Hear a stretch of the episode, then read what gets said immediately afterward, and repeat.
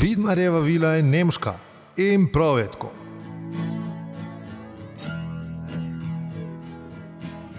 Že nekaj let na današnji dan tečem mimo nemške vidmarjeve vile, da se spomnim na dogodke, ki so se zgodili pred mnogimi leti, se poklonim vsem OF-ovkam in OF-ovcem ter vsem, ki so sodelovali v boju proti okupatorju pred uh, preomenjenimi mnogimi, mnogimi leti. Ja, danes praznujemo dan upora proti okupatorju, oziroma kot so nas učili v šoli, ko se je ta praznik še imenoval Dan OF, dan, ko je v Tacnu počela prva puška. Kasneje se je izkazalo, da je prva puška počela en drug dan, ampak e, za to napako nisem čist zihar, če lahko kritiziram oziroma krivim socialistično usmerjeno izobraževanje.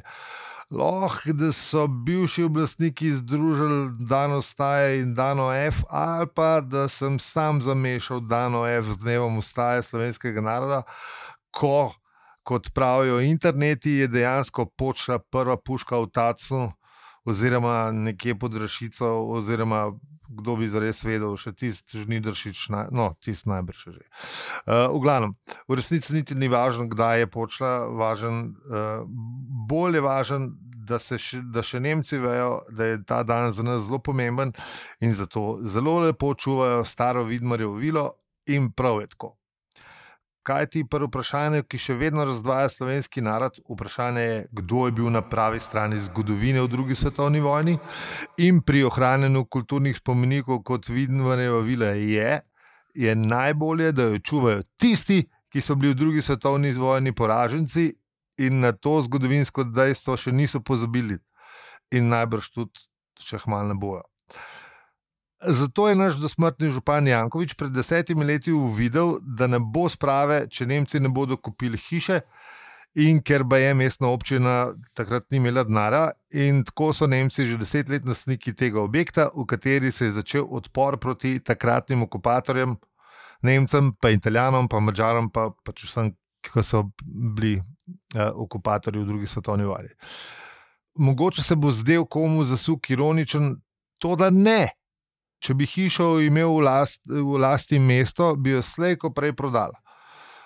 Ker, kot pravi naš Župankovič, za njo nismo imeli denarja leta 2013 in če nismo imeli za njo denarja takrat, ga imamo zdaj še manj.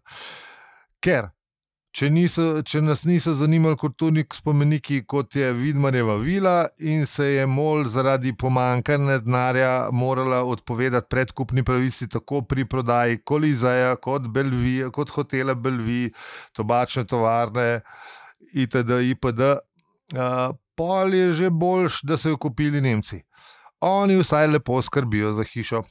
In pred hišo je še vedno spomenik, in vse je v najlepšem redu. Če bi hišo imela v lasti država, bi bila njena usoda še bolj vprašljiva. Država vsake toliko let uspe voditi desno stran politike, ki pa dneva OF ne priznava kot legitimnega dneva proti okupatorju, kar je čudno, ker še potomci okupatorjev priznavajo, da so bili njihovi potomci okupatorji ne samo ozemlja Slovenije, ampak so zanetili dogodek, ki so ga zaradi neslutenih razsežnosti poimenovali druga svetovna vojna dogodek v navednicah, v katerem je življenje izgubilo crka 6 milijonov ljudi. Zato bi desno hišo prodal še preden bi človek rekel Balaton, novi lasnik pa bi na mesto nje zgradil moderno vilo z bazenom, ki bi jo kupil petični vplivniš blizu veljakom stranke. Po drugi strani, pa tudi leva stran, vedno bolj rada pozablja na svoje levičarske korenine, oziroma še huj zadnjih nekaj levih vlad je levih samo zato, ker jim ne upamo reči sredinske, oziroma blago desne, oziroma uh, no, maček, užak, no, pustimo. Uh, ja, blago desne, ki se le za potrebe zmage na volitvah, če jim uspe, izdajo za leve vlade. Take vlade pa bi. Prav tako z lahkoto pozabili na zgodovinski pomen Vidmarjeve vile in bi še z večjo lahkoto prodale hišo, še preden bi lahko kdo rekel protiimperialistična fronta. kupec pa bi prav tako hišo podaril in kot nadomestno gradnjo zgradil modern vila blok z bazenom, ker bi stanovanja za velike novce lastnik oddajal kvazi petičežem prek Airbnb-a za investicijo, kot se reče.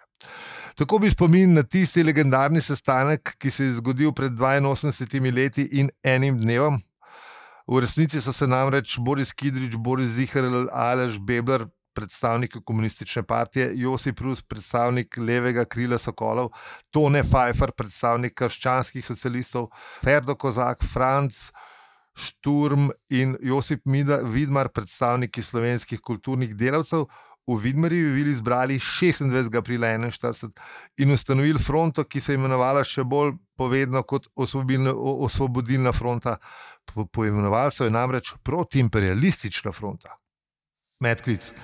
Torej so se predstavniki tako levih kot desnih struj takratne Slovenije bojevali sprva proti imperializmu, ki pa je danes še kako živ. Mogoče še bolj kot leta 1941, to pa je še bolj ironično od lastništva Vidmarjeve hiše, ker, no, bo smo.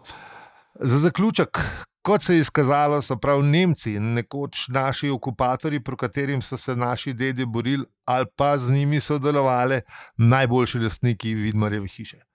Oni namreč dolgo ne bodo pozabili, na kateri strani zgodovine so bili v drugi svetovni vojni. Vsaj do tretje svetovne vojne. Zato naj živi nemško veleposlaništvo v Vidmarjevi hiši in vesel dan upora proti okupatorju.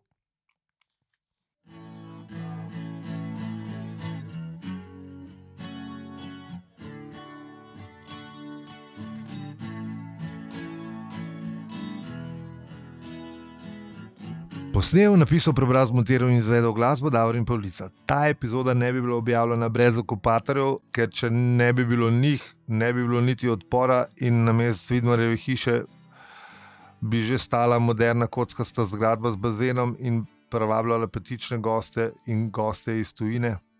Pa tudi najbrž se moj nono, pa moja nona ne bi srečala 45. Hm. Ja vse je bilo malo drugače. No, če ti podcast všeč, ga lahko oceniš, recenziraš ali podpreš, lahko pa na hvala za srebe, pika si. Ne samo, da pomaga, karkoli, najlepša hvala in srečno v prihodnosti. thank you